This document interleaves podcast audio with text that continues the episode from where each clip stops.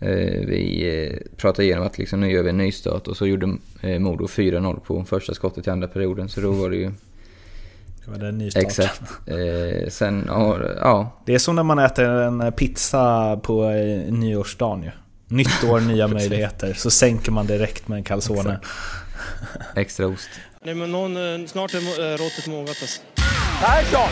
Lägger på blå för loppen, kommer skjuta, fintar skott, spelar pucken höger istället, Davidsson skjuter, man lever över returen! Skottläge kommer där! Kan jag få låna micken? I mål! Hur skjuter karln? Hur skjuter han? Jag kan bara säga att det där är inget skott faktiskt Lasse. Det där är någonting annat. Det där är liksom, han skickar på den där pucken så jag nästan tycker synd om pucken. Nu grinar han drar till han. Utan Fröbo var målvakt! Kan jag få låna micken? Kolla! Poff! En allvarligt talat Leif Boork håller på med hockey i 600 år! Kan jag få låna micken? God fortsättning hockeyvänner. 2018 är här och därmed är ju SHL-podden äntligen tillbaka. Jag som pratar är Joakim Österberg och jag klipper som vanligt podden. André, han göttar sig i Thailand och påstår sig ha problem att hitta ett pålitligt internet så den här veckan blir det bara grindarna Morten och Per som bland annat snackar om Malmös galna vändning i veckan med Skellefteå-tränaren Bert Robertsons tillhörande domarsågning. Arla berättar dessutom om den eh, sjukaste vändningen han har varit med om under sin karriär. Det blir även veckans Juha-Matti. Finnen har det tufft i Rögle nu. Och så analyserar de SHLs jämnhet och så blir det uppdatering i bettingtävlingen. Äntligen! Vill ni höra av er till oss så mejla antingen till solpodd@gmail.com eller skriv till oss på Twitter at solpodden. Trevlig lyssning! Nytt rum idag för mig. Vi har nämligen nytt kontor, jag och Klippar-Jocke. Så om ljudet är eh, inte perfekt så beror det på det. Men vi skruvar väl på det till nästa gång i sådana fall så får ni helt enkelt hålla ut och jag antar att ni längtat efter oss eftersom det var ett tag sedan vi spelade in eh, senast. Det har ju varit jul, det har varit nyår och André har dragit till Thailand. Så idag mm. är det bara du och jag Arla. Ja, det är Eller inte ba så bara. bara och bara. Nej, verkligen inte. Hur har du eh, firat ledighet? Som eh, icke-elitspelare i hockey för första gången på bra jävla länge. Ja, exakt. Det har varit lite annorlunda och ja, riktigt, riktigt bra. Eh, lugnt och fint med familjen. Inte känt den här stressen över att man ska hinna besöka alla innan det är dags för träning och match igen. Så, så det har varit kanon. Hur är en jul för en SHL-spelare? För det är ju det tätt med matcher. Ja, precis. Eh, det vanligaste, nu spelar de ju eh, typ 20, 21 någonting. Eh, det har inte jag varit med om så mycket. Men det vanligaste är väl att man är ledig ja, typ 21, 22, 23, 24 så man får sin ledighet där. Och sen tränar man juldagen och så, sen, är det ju, sen rullar det på match 26, 28, 30 vanligtvis. Har ni haft så restriktioner liksom? Ta det lugnt med snapsen och inte för mycket julskinka och så? Eh, nej, men det, är ju, det, det ingår ju i jobbet liksom. Det är ju det är ju underförstått att man, att man sköter sig så att säga. Åt du mer onyttig julmat nu än vad du gjort tidigare? Nej, du vet, jag ska vara helt ärlig så är jag ingen stor fan av julmat. Utan det blir ju samma på min tallrik som de senaste 15 åren. Lite skinka, köttbullar, prinskorv och, och vad kan det mer vara? Något ägg kanske. Men inga syltor och sill och sånt där. Det har aldrig varit min grej. Otroligt ospexig eh, jultallrik. Ja, André, han eh, drog till Thailand, har eh, försökt jobba till sig ett eh, eh, nät där, har inte gått så himla bra. Eh, och därför är han inte med oss förrän den åttonde igen. Tycker det är konstigt, alltså jag anar, eh, det är kanske konspiratoriskt nu, men det känns väldigt konstigt att de inte skulle ha något internet i Thailand. Det känns jättemärkligt alltså. Ja, speciellt som han är ju känd för att inte knappast... Eh, eller han är ju känd för att ta in på femstjärniga ställen också så det gör ju det hela än mer märkligt. Jag tror eh, vi får helt enkelt eh, vad säger man, skaka rätt på numret till det här hotellet och undersöka saken. Jag tror att han försöker smita, få lite extra tid på stranden. Mm. Men eh, då ska vi visa att det här går minst lika bra utan honom. Och vi börjar där vi eh, alltid börjar nästan. Nu har det varit ett par avsnitt utan det, så därför är det så himla skönt att ha veckans Johan Matti tillbaka. Och nu brinner det till på riktigt. Han har ju gjort 15 poäng på 27 matcher hittills, vilket är eh, eh, inte i närheten av det snitt han hade förra gången när han var i Rögle och SHL. Och inför matchen mot eh, Färjestad, som är idag, så är han eh, petad. Och eh, med eh, motiveringen Chris Abbott, sportchefen, säger jag är inte övertygad om att han ska spela med oss. Och eh, han har inte fått så mycket speltid sen eh, Abbotarna tog över. Eh, varpå han själv kommenterade med att ja, han kan väl stanna i Rögle ett litet tag men han måste tänka på sig själv också och det beror på hur lång tid det tar innan han får chansen huruvida han vill vara kvar eller inte. Alltså, det låter ju onekligen som att det är allt och en out rätt snart. Definitivt. Det är ju extremt ovanligt. Nu har ju Chris inte jobbat så länge som sportchef, men att en sportchef går ut och säger så. Jag är inte säker på om man ska vara en del i laget, så det, det är nästan första gången man hör innan det är klart, att säga. Så det, det kan jag inte tänka mig att, att efter en sån offentlig så, halvsågning så att han kommer vara kvar. Det, det tror jag inte. Du tror inte att det finns någonting... Um så här, det är inget liksom sätta press på grej. Ja, men då tycker jag det ska komma från Cam i så fall och inte från Chris. Eh, alltså tränaren eh, kanske hade varit mer normalt om han vill sätta press, men eh, så gör man inte med en eh, så pass rutinerad spelare, tycker jag. Eh, då tar man internt, men Ja, som, som jag sa, jag skulle bli väldigt förvånad om, om han är kvar. Eh, I alla fall efter eh, fönstret är stängt. Varför tror du att det här eh, poppar upp nu? Liksom? Är det hårdare krav från Abbott än vad det har varit tidigare? Ja, det tror jag absolut. Det är, det är väl en bedömning som de gjort att för den pengen han förmodligen har så tycker de inte att han är bang for the buck, eller vad säger man? Mm. Så att jag tror att ja, just jobbet och att, han, att han, de tycker inte han är värd... Eh, de kanske vill försöka få loss pengar och få, få dit en annan spelare. Det har varit en otrolig eh, tillflöde både från och till Rögle med spelare. Så det ska bli intressant att se vad det tar vägen. Men eh, sen, det här är väl den gången vi saknar André mest kanske, för han har ju sett alla matcher. Men eh, mm. av det jag har sett så, så har han inte tillfört, eh, han har ut fyra mål på 27 matcher, men han har ju inte dominerat i spelet så som han gjorde förra gången tycker jag. Nu, som mm. sagt, nu har jag inte sett alls så mycket som André och, och du kanske har gjort, men eh, ja, för mig är det rätt väntat faktiskt.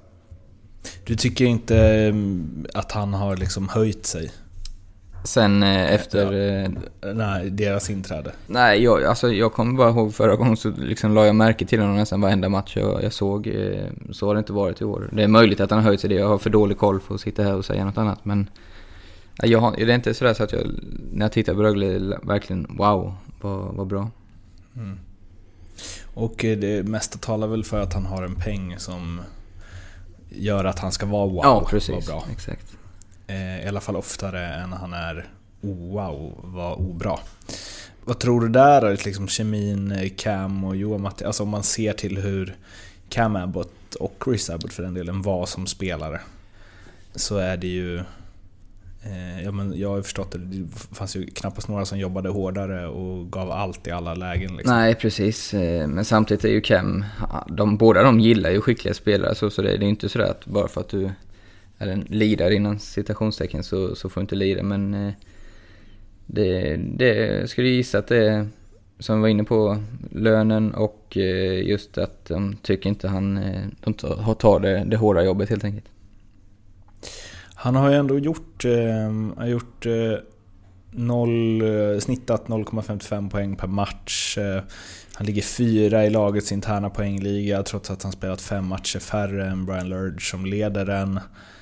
Eh, är det ändå, alltså är det mer eh, liksom det, det, vad säger man, prestationen på isen snarare än poängen du tror är problemet? Ja, jag håller med dig. Jag det tror jag. För liksom just det är fyra mål bara. Eh, många assist som... Eh, ja, ett par fina men sen känns det många som man knappt har sett heller så att säga. Så jag tror, mm. det, jag, jag, tror det, jag tror inte det är personligt så utan jag tror det är prestationen helt enkelt. Det var inga Albrant-assist där inte? Alla andra ass man la till i efterhand nu. Nej då. Nej men eh, just fyra mål på 27 matcher, eh, det är ju för lite för, för att vara en sån stjärna. Ur ett större perspektiv här, Rögle har gått bra på slutet. Eh, två raka segrar nu. Känn, alltså vi har ju varit inne hela tiden på att det blir liksom tufft för även om Abbott kommer in att få ordning på det här och man kanske kan sprattla till lite. Nu Johan Matti försvinner, de har redan rensat en hel del, tagit in lite nytt. Eh, ser du några skillnader och finns det något hopp? Det är ju inte jättelångt upp till överstrecket. Nej, jag har ju dömt ut dem både en och två gånger men eh, jag får väl eh, svänga på kappan ytterligare en gång. Men det, det, ett visst hopp finns det absolut. Och på första A-frågan svarar jag absolut en stor skillnad. Och det är ju som, som vi har varit inne på hela tiden sen, och jag var inne på inför säsongen. Jag, jag saknade ju det hårda jobbet och attityden förra säsongen och, och i början på, på denna. Men den finns där nu. Och det är kul att se, det är riktigt kul att se. Så, och det laget de har, det, det är tillräckligt bra för att kunna sluta 12 eller bättre. Bör Mora se upp alltså?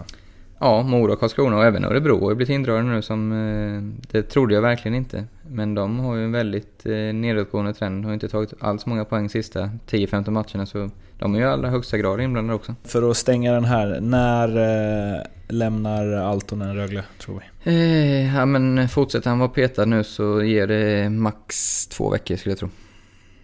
Två SHL-podden till, max. Ja, om han inte kommer in och gör succé. Ja, precis. Exakt. Det har ju varit en hel del eh, matcher sen sist. Eh, omöjligt att prata igenom alla förstås. Men en sticker ju ut mer än någon annan. Malmö-Skellefteå 0-4 med 6 minuter kvar. Då vaknade Malmö och eh, kanske framförallt Rhetoric Shani till. Vid bortre delen Sar i mål! I mål! Och eftersom det var 2 plus 2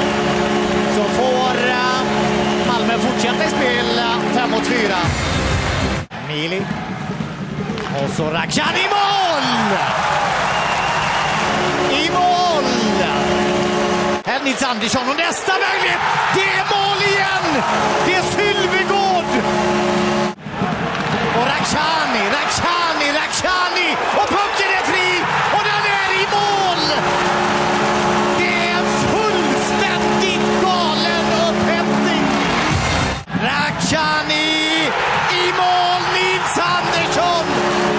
De gjorde alltså tre baljor på 68 sekunder och sen kvitterade Robin Alvarez med knappa halvminuten kvar innan Nisse Andersson avgjorde i sadden och eh, gjorde ett eh, beundransvärt försök att hoppa igenom sargen eh, gång på gång på gång.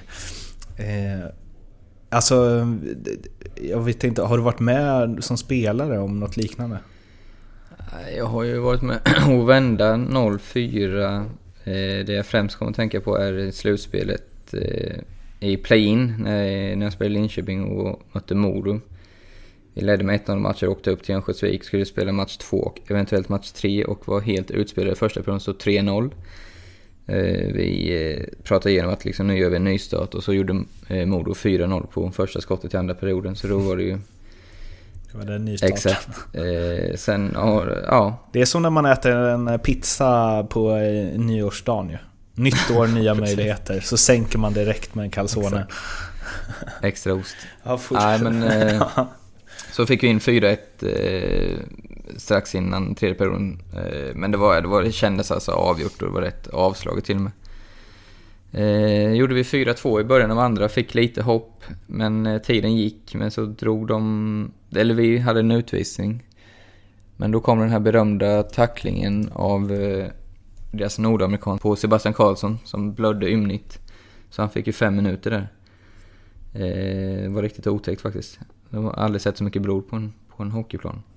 Eh, och då, då gick vi upp till eh, 4-4 under den eh, eh, vi fick powerplay där och sen vann vi i sadden. Så det, det är väl den vändningen jag, jag närmast drar mig till minnes. Men den som Malmö gjorde är ju så eh, extremt, på så extremt kort tid. Sex minuter, fyra mål, det, mm. det har jag nog inte varit med om. Vad, eh, vad är det som händer där tror du i Skellefteå? När det bara, visst de får boxplay och så vidare men alltså... Ja men det är så... Det, är så... det blir lite virrigt kan man ju säga. Ja men det blir... Det är så extremt svårt att förklara. Det många frågor liksom. Men varför kunde ni inte spela som i första perioden till exempel? Alltså... Men det, mm. har du en ledning så motståndaren gör ett mål och de känner vittring. Det, det blir sånt sjukt eh, annorlunda mentalt läge utan du tänker spela safe istället för att attackera. Det finns inte i sinnet att du ska gå för nästa mål utan det är bara nu ska vi ut pucken, spela säkert. Eh, ja, det blir, vi har ju sett eh, hundratals matcher när lag ska försvara ledning att det, det går liksom inte.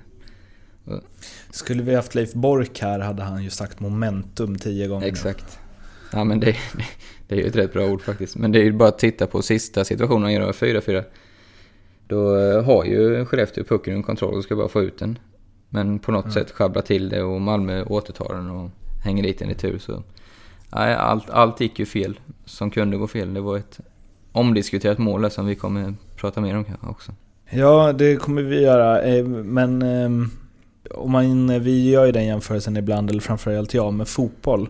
Jag skulle säga att alltså, i hockey är det så extremt tydligt när ett lag gör mål, tycker jag. Hur mätan liksom flyttas mm. över.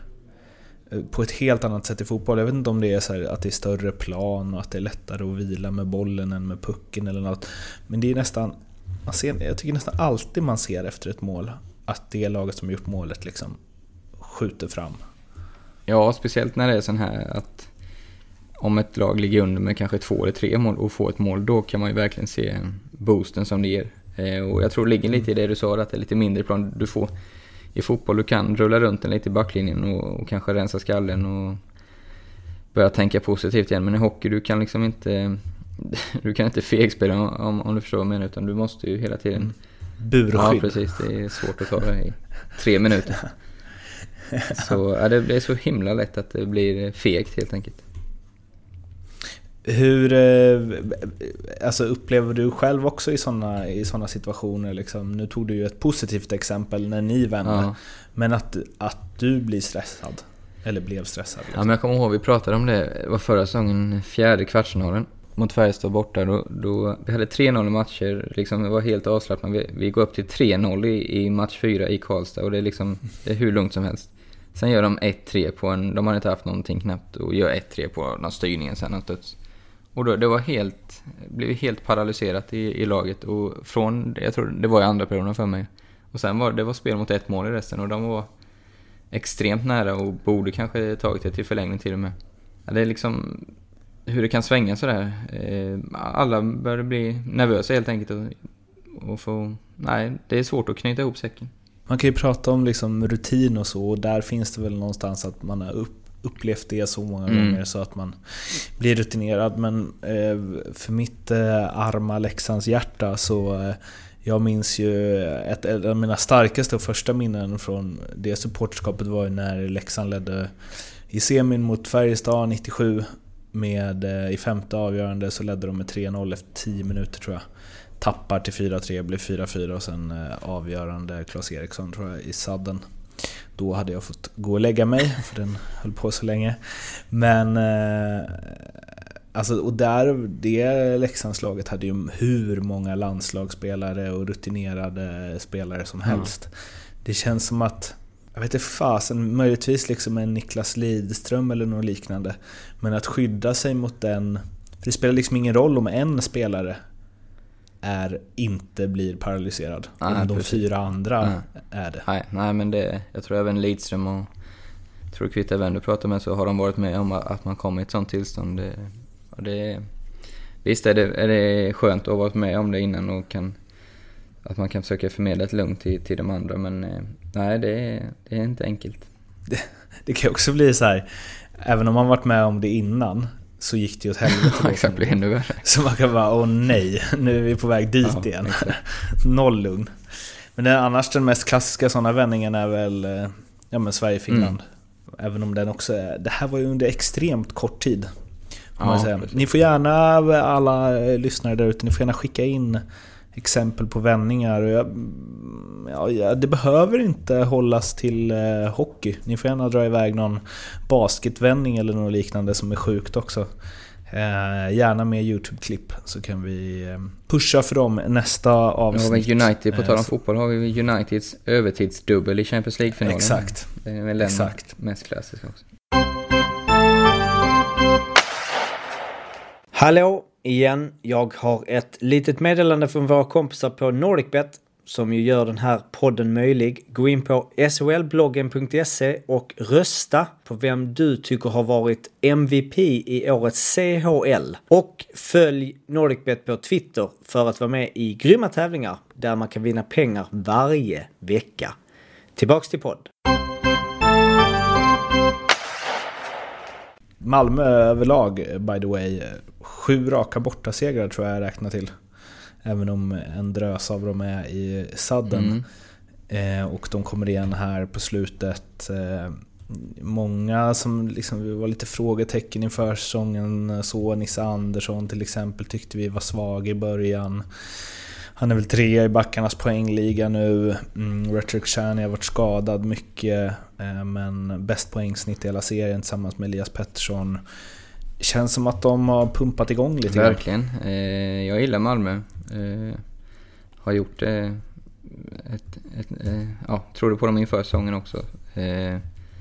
De har väldigt skickligt lag. De har, jag tycker de har alla komponenter som behövs egentligen. Det, det är ju, jag tror de lärde sig mycket från förra året. Gick till semifinal och nej, de är giftiga. Och Rakhshani som du säger, otroligt bra spelare. Jag såg Mr Maddox som är väldigt kunnig och ser alla matcher skrev härom matchen att eh, Rek Rakhshani är seriens bästa offensiva spelare. Och det säger ju en del när han tar till de orden. Eh, när du har både Elias och, Jocke Lindström bland annat. Eh, men Det är det, så otroligt avig ju. ja, han, han har varit extremt bra det jag har sett. Eh, så- sånt självförtroende och han kan både passa och göra mål.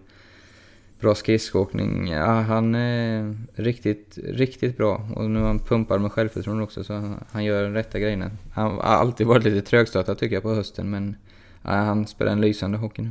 Och han har ju någonting i...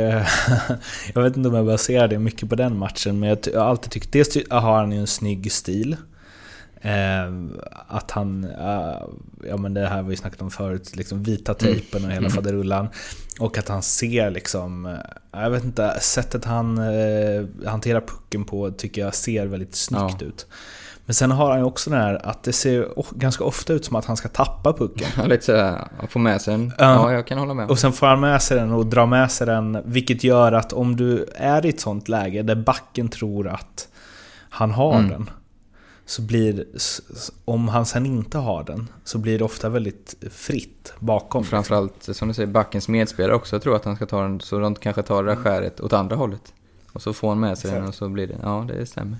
Men han var alltså Eh. inte med i OS-truppen. Jag skulle precis komma till det, det är otroligt märkligt. Eh, om man tittar på vissa namn som varit med som man känner igen som, som jag tycker Rakhshani är en klass bättre. Men ja, alla lag tas ju ut av en coach, så är det. Lash är likadant, jag är inte heller med. Nej, De kanske har en bra forwardsuppsättning. Ja, det måste de verkligen ha. En annan rolig grej från den här matchen var ju när Jimmy Eriksson efter matchen slängde upp pucken eh, på läktaren.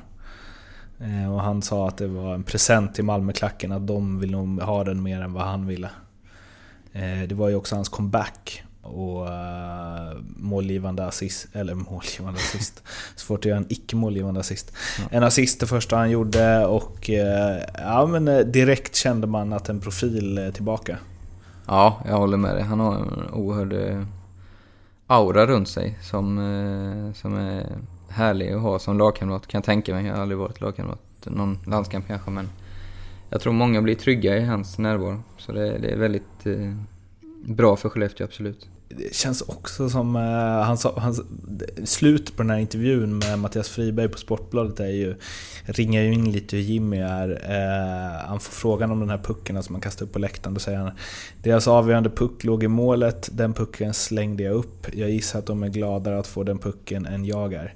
Det var snällt gjort. Är du så snäll? Jag anser att jag är väldigt snäll. Sen kan jag vara väldigt dum också när situationerna kräver så. Säger Jimmy och lägger till. Det är säkert någon som blev glad, som kanske inte hatar mig nästa gång. ja. Fin reflektion så på liksom stående fot. Ja, precis. Han eh, kanske har haft tid att tänka igenom nu att han vill bli mer älskad. Exakt.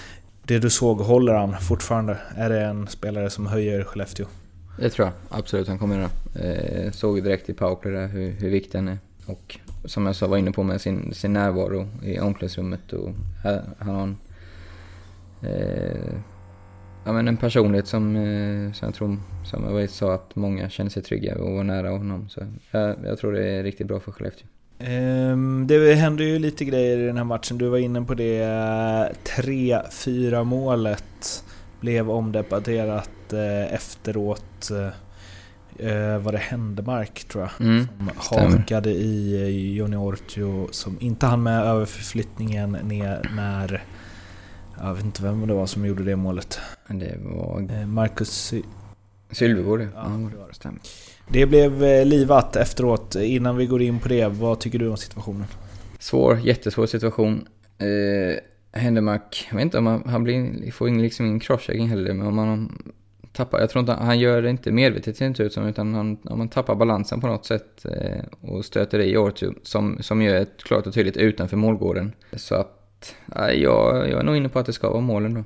Det var ju en som inte riktigt tyckte det i intervjun efter matchen. Eh, Bert Robertsson gick eh, hårt åt och sa målet som eh, på presskonferensen efter matchen sa målet som videobedöms ska inte vara mål. Målvakten blir påkörd och kan inte göra räddningen. Det tycker jag vi kan ställa högre krav på funktionärerna. Det är som det är. Hockey är en häftig sport helt enkelt.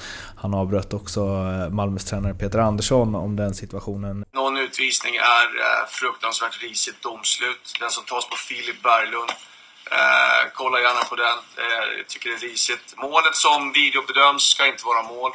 Eh, målvakten blir påkörd eh, och kan inte göra räddningen. Så det, det tycker jag vi kan ställa högre krav eh, från eh, funktionärerna. Vad säger du om ja, sättet Bert kommenterar det här på? Ja men han är ju, han står ju alltid upp för sitt lag till 100% och han är ju känslomänniska och det, det, det är många som skriker det om profiler i dessa dagar så han är ju verkligen sån och jag, jag har inga problem med det. Jag tycker det är kul när, eh, när någon visar så mycket känslor och som jag sa, han står alltid upp för sitt lag. Sen kan man alltid diskutera om man tycker det är rätt eller fel. Eh, just den här situationen och så, så har han ju rätt i att Orchard blir ju påkörd men han har inte rätt i att han står i målgården. Eh, vad jag tycker i alla fall. Så nej, men eh, jag gillar Bert, jag måste säga och det gör jag med, men det, det blir någonstans här och när vi gjorde det här körschemat så skickade Jocke också en länk till intervjun som är direkt efter matchen när han får se den här situationen igen. Ja, och det är ju ruggigt intressant för då, då står han ju och säger, när han får se det då så säger han ja, de tar väl på att, att han är utanför målgården. Jag tycker målet som videogranskas där, för, för mig, jag, jag, förstår inte hur de... Jag förstår inte hur de kan döma mål där. Jag, jag, jag har ingen aning. Det, för mig uh, blir det väldigt avgörande liksom. Jag vet inte. Uh, vi, vi, har det där målet nu Bert, om du vill titta på det som, som du tyckte var, var märkligt så ser det ut på det här viset. Ja, jag ser att kontakten är väl utanför bågen där, så det är väl det de går på. Uh, ja, Förändrade din syn på just det målet? Ja, jag tyckte det såg mer självklart ut när jag såg det på den lilla reprisen som var på, på jumbotronen här. Men jag tycker ändå att den är eh, diskutabel. Eh, Jonny står ju innanför liksom. Han, han eh, försöker göra allt han kan för att komma över och rädda pucken och bli påkörd. Det, det håller jag ändå fast vid. För när man hör det här, som han säger i den, i den här intervjun, så tycker jag att det är väldigt konstigt att han säger som han säger i på presskonferensen? På presskonferensen sen? Ja, Eller är det är superkonstigt? Att, ja, de har ju gått in och förmodligen stängt in sig i, i teamet där och, och gått ut med en, eh, strategi vad de ska säga. Och, och så har de kommit på att de måste ju säga att han är målgården för annars så kan de inte döma bort det. För det. Så det är, det, är ju, det är ju en konstruktion helt klart för man kan, hinner inte ändra sig på två, tre minuter eller vad det kan vara emellan. Så, eh, Tror du att det är så att de har snackat ihop sig om vad de ska säga? Ja, eller att han själv kommit på att han, han kan ju inte, han måste ju säga att, det, att han är i målgården för, för att framstå som att det ska bli bortdömt så att säga. Men är inte det att sätta domaren i en jävligt eh, dålig sits? Liksom? Kan han inte bara... För det jag, jag gillar hans utbrott och hans eh, eh, spontana reaktioner och så vidare. Men någonstans så får man ju också... Och det är det som blir så konstigt på presskonferensen när han börjar prata om så här. Jag är så jävla trött på att vi alltid ska prata mm. om domarna efteråt. Alltså han, han den enda han argumenterar emot är ju sig själv. Mm, precis, För han är ju den enda som pratar om domarna. och sen så blir det som så här, ni i media tar alltid upp det. Det var ju du som tog upp det. Ja. ja det är roligare när han kommenterar spelare, eller situationer, händelser på isen som inte har med det att göra, absolut. För som Där du säger, tycker jag det, att det... han har ett ansvar. Ja, som led, alltså om man nu inte vill att domaren ska vara utsatt som, så får man fasen liksom jag är helt okej okay med att han eh, känslor, liksom, mycket känslor och eh, reagerar direkt spontant. Men när han sen ser det, då tycker jag att man faktiskt kan vara så stor så att man backar också. Och ber alltså, om ursäkt liksom. Du har helt rätt Mårten tycker jag. Det måste ju bygga, bygga alla och varumärket. Så att, eh, det, och här, här blir han ju, han är ju ordentligt ditsatt när han när, när ni klipper det liksom som man först hör intervjun och sen presskonferensen. Det, är ju, det är ju, ter sig ju oerhört märkligt. Men just att säga så helt motsatta saker. Ja, jag ser att kontakten är väl utanför bågen där, så det är väl det de går på. Uh, uh, ja. Målet som videobedöms ska inte vara mål. Uh, målvakten blir påkörd. Och sen också eh, stod att han sökte upp domarna efter matchen och då fortsätter han någonstans på den linjen ju. Vilket jag kan tycka är så himla... Ja, eh, märkligt alltså. Och oavsett om man har sett den här reprisen igen sen och bara nej, jag tycker nog ändå att det är domarnas fel. Så ger ju det någonstans... Alltså hans första gång när han såg den så tyckte han ju uppenbarligen att det kanske inte var helt fel. Mm. Alltså man måste, jag tycker att det är... Nej, han, han, pratar, han pratar, alltså nu låter det som att jag ogillar Bert och det gör jag verkligen inte. Men han pratar väldigt ofta om att visa respekt. Mm. Men då tycker jag faktiskt att eh, den respekten kan börja hos honom. Jag tror också många gånger, han är, han, i det här läget han är extremt besviken och han är väl en sån som det tar kanske en timme eller två och, och komma i, i helt balans igen eh, upp i, i huvudet så att han skulle nog gärna se att presskonferenserna och intervjuer är kanske lite senare än vad de är. För, för vissa gånger tror jag faktiskt han, eh, när han går till, till sömns på kvällen, att han kanske ångrar vissa ordval. Och det här är nog ett av dem, att han just går åt domarna. Men som sagt, han är så himla besviken att de har tappat 4-0. De gjorde ju en kanonmatch, måste vi också säga. Och, mm. och borde ju verkligen vunnit. Så. Men då kan man väl skicka fram någon annan då? Mm, absolut. Det... Om det nu, för det är ju ändå varumärket vi snackar om också på något sätt. Mm. Nej, men det, det, det är tråkigt. Om du hade spelat i Skellefteå, eh, påverkas man som spelare av att liksom fokus någonstans... Det sägs att man står upp för sitt lag, ja det är på ett sätt, men det är också någonstans att fokuset flyttas ju väldigt tydligt till en domarinsats här. Ja, nej jag hade, jag hade nog... Nu blir, säger jag emot mig själv, men jag hade nog gillat det också när liksom en tränare eh, går ut och... och ja, men han, han, han skyller ju inte på laget verkligen. Utan mm. han försöker ju hitta andra ursäkter. Så det, det, många tränare försöker ju hitta en vi mot världen-känsla och det, det gör ju verkligen Bert också. Och jag antar att det inte är så här det låter i omklädningsrummet sen? Det gör det förmodligen inte när man tittat eh, genom videon eh, från matchen. Nej, men, och ändå inte. Jag antar att, är, att man inte snackar så mycket, det var domarens fel att Aha, vi förlorade. Nej, nej, precis. Utan då är det ju spel, speldetaljer, speltekniska detaljer som man går igenom. Är det någonsin, eh, snackar spelarna mycket när de liksom sitter i omklädningsrummet och domaren har gjort en dålig... Alltså kan man fastna i det och gnälla på det ja, och nästan absolut. lägga det på det? Okay. Ja, det är för ofta tyvärr. Man eh, blir irriterad och speciellt någon någon ganska oviktig offside eller sådär kan man sitta och diskutera ett par minuter hur, hur de kunde missa det eller hur de kunde ta det. Så det ibland har man inte helt rätt fokus själv heller, det, det är bara att erkänna. Hur skulle du säga generellt, eh, det här kanske blir ett specialavsnitt framöver, men lite som hastigast bara, domarnivån under alla år du lirat i Sverige. Hur har den utvecklats? Nej, men jag tycker Sverige har jättebra domare. Eh, jämför med... Ja, Schweiz blev, oh, sådär. Eh, Österrike var katastrofalt. Eh, så, så, så är Sverige står sig väldigt, väldigt starkt tycker jag.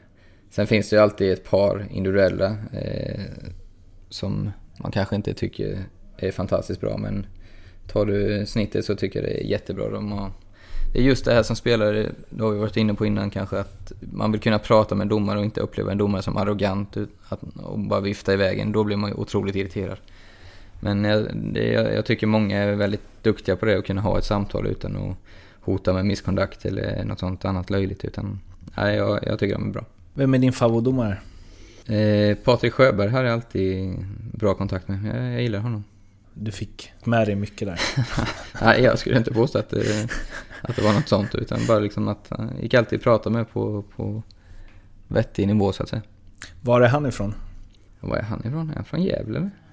Ja, det ja. jag tänkte nästan. Ja. Jag tänkte om, man brukar alltid så härleda det till bara oh, han är från samma stad ja, som ja. laget. Vi ska prata om en sak som kan påverka domarna. Eller liksom som i alla fall försöker påverka domarna. Publiken. Det har ju varit eh, eh, publikfester i mellandagarna och ett, eh, ja, men en känsla av att SHL är hett på ett mm. sätt som det kanske inte riktigt varit tidigare under säsongen då det mest pratats om publikkriser och sviktande siffror och så vidare. Och du gav ju till och med mm, eh, Jörgen Lindgren en eh, vad var det? Var det en kniv? För, ja, en vass kniv för att få ett bättre snitt? Exakt. Eh, ni kan Ska du ta upp det, det nu igen?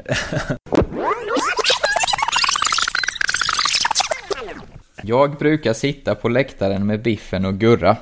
När lagen gör mål brukar tyvärr inte allt för många hurra. Därför får du nu denna sak i stål, så kanske det på läktaren blir lite mindre hål. Och det, ja, det, han fick ju lite hjälp på traven där i mellandagarna. Kul att se ju. Ja, och vilka matcher det var. Alltså det var ju en omgång där jag själv var på Linköping, Djurgården. Det var nästan fullsatt, det var nog 7 och 9 tror jag.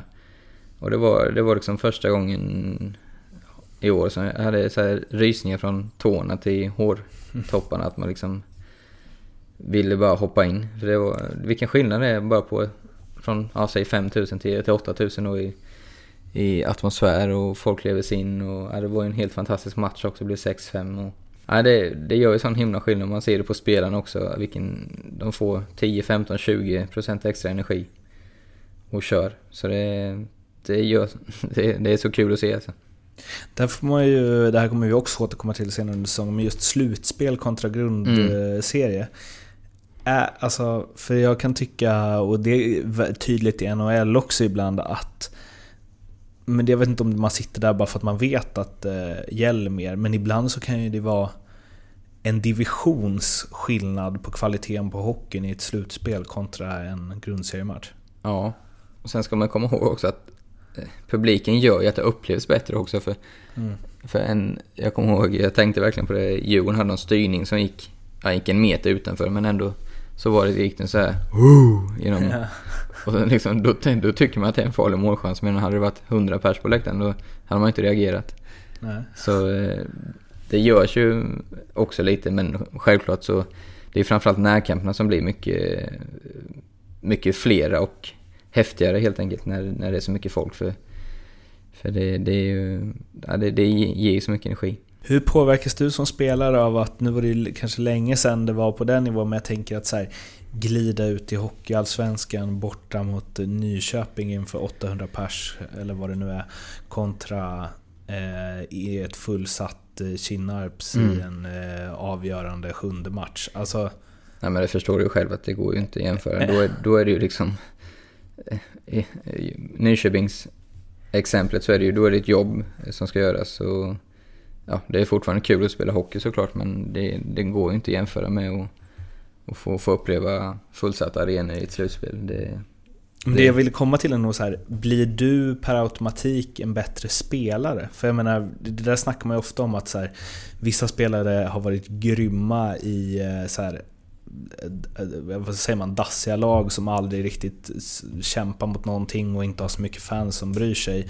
Och sen så kommer de till ett Djurgården eller något där Mm. det finns en yttre press som är enorm. Och så bara försvinner de, alltså som gång på gång har testat i större klubbar men som aldrig får det att lossna där. Ja, just det. Ja, det är, så- kan du... Det är ju väldigt individuellt det där, så, men visst är det så att eh, en del gillar ju och när det inte... när man inte är skärskådare kanske, som du säger. Men kan Eh, du känna det att så här, kunde du vara bättre ibland för att pressen var mindre? Eller höjde du dig alltid kontra vad för Nej, jag ska inte påstå att jag höjde mig alltid. Det var... Ibland höjde jag mig ibland. Men grejen är att när det blir fullsatt så höjer sig ju alla. Det är det som är det vanligaste tror jag till att man kanske inte syns lika mycket. För om du säger att det är en ordinär match då kanske de flesta ligger på en... Äh, vad ska man säga? Då... När alla taggar till det här extra 10-15 procenten då är det mycket svårare att glänsa än i en match där eh, av inte den kalibern utan ja, en, en ordinär hockeymatch så att säga. Då har man sin nivå som man ligger på och då är det lättare att sticka ut skulle skulle jag tro.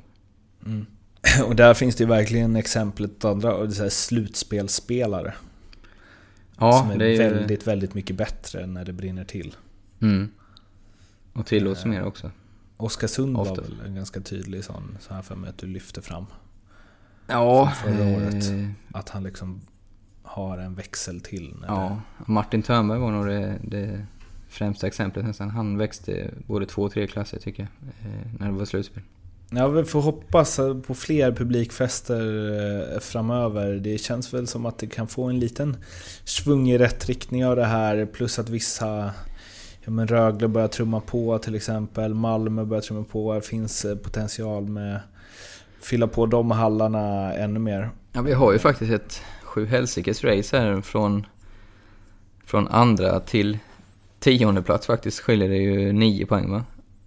Och så, Ja. och så från då 11, Ja, 12, tio. 13, 14 är det ju också eh, sex poäng nu tror jag, eller sju. Så Mm. det, det är så verkligen som du säger, det öppnar upp för att det kommer bli fantastiskt spännande matcher här till, till våren. Det är ju verkligen uppdelat. Alltså mellan 10 Mm. och 11 är det ju kört liksom. Mm, precis. Typ. Och mellan ett och två. Det är väl de som är körda, kä- känns körda. Ja. ja, Växjö är ju otroligt bra alltså. Ja, utan att Utan att vara så bra. Ja, precis. Det är klassiskt tecken på topplag.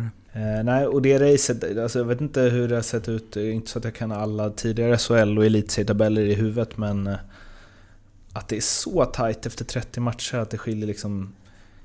Det skiljer ju 7 poäng mellan tvåan och nian. Ja, det, ja exakt. Enormt. Ja, det är, det är verkligen häftigt alltså. Eh, Tycker du att det, tycker du att det är så också? Alltså så här, en tabell ljuger aldrig. Men tycker du att det speglar på ett bra sätt hur det har sett ut? Ja, jag tycker ju Djurgården har... För mig har de ju varit lite bättre. Ja, de har ju torskat, är det tre eller fyra raka nu? Annars har de ju ryckt lite också. För de, de, tycker, de och Växjö tycker jag har stått ut. Eh, Men nu är ju Djurgården också inblandade i den här striden och tuff skada på Enqvist som vi inte vet hur länge han kommer vara borta. Det är väl risk för att det blir ganska länge tyvärr. Så de kommer ju också verkligen få kriga för att ta sig topp 6. Men för att svara på din fråga, ja det, det är så jämnt. Det är ju... Bookmakersna måste vara lyckliga i SHL för det är inte lätt att tippa. På tal om det då?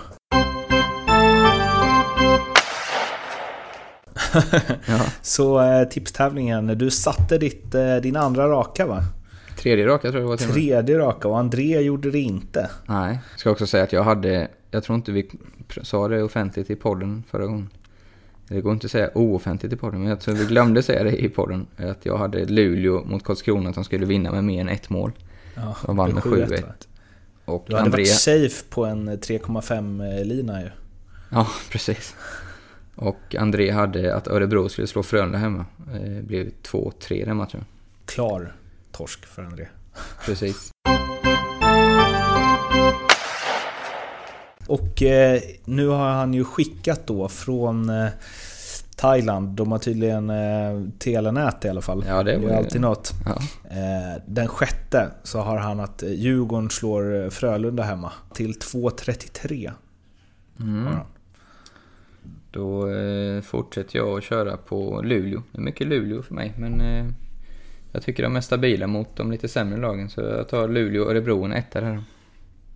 Ett, etta handikapp, minus 5,5. Så kom. Nej, jag, jag, nu när jag börjar komma ifatt så ska jag inte... Behöver jag inte vara desperat längre. Nej, nej, du tog ju det lägsta oddset. Alltså vad, vad är det då? 1,74. Ja, nej, vi kör på det. Ja, för Växjö är 1,74 borta mot eh, Rögle också. Ja, det skulle jag Ja. inte röra. Jag eh, flikar in här lite ställning i bettingtävlingen som är ju är otroligt jämn nu faktiskt. André fick en rivstart i början men Arla har nu både ätit upp hela försprånget och faktiskt gått om. Ställningen just nu är André har 1036 kronor. Arla har 1046. Otroligt spännande. Gå gärna in på SHL-poddens eh, Twitter så hittar ni eh, detta i lite mer visuell form. Tillbaks till eh, Mårten och Per. Nej, eh, spännande. Vi får väl se vad det där eh, landar i och om vi får hem André från Thailand utan skavanker helt enkelt. Han kanske stannar där om han missar den här också. Ja. Nej, då har han ju inte råd att stanna där. Eh, André har nog råd att vara där. Både ett och två år. Ja, Försäkringsbranschen. Eh, men i alla fall eh, så rundar vi av där. Jag tyckte vi ändå klarade det här ganska bra. Ja, det gjorde vi. Men Han eh, får kämpa. vi saknar väl ändå André va? Ja, det gör vi. Även om det, det är med kärlek, de tunga orden. Eh, sk- skicka era sakningshälsningar till André eh, på mail och eh, Twitter och så vidare. Så hörs... Eh, och glöm inte också vändningar i olika sporter. Ja, det är roligt. Eh, Helst Det är roligt. hockey. Det vill vi ha era bästa. Det kan vara personliga minnen som kanske inte är så imponerande vändningar men där ni har tydliga, tydliga minnen från den eller någonting som ni halkat över när några vänder 07 till 8-7 sista perioden och så vidare.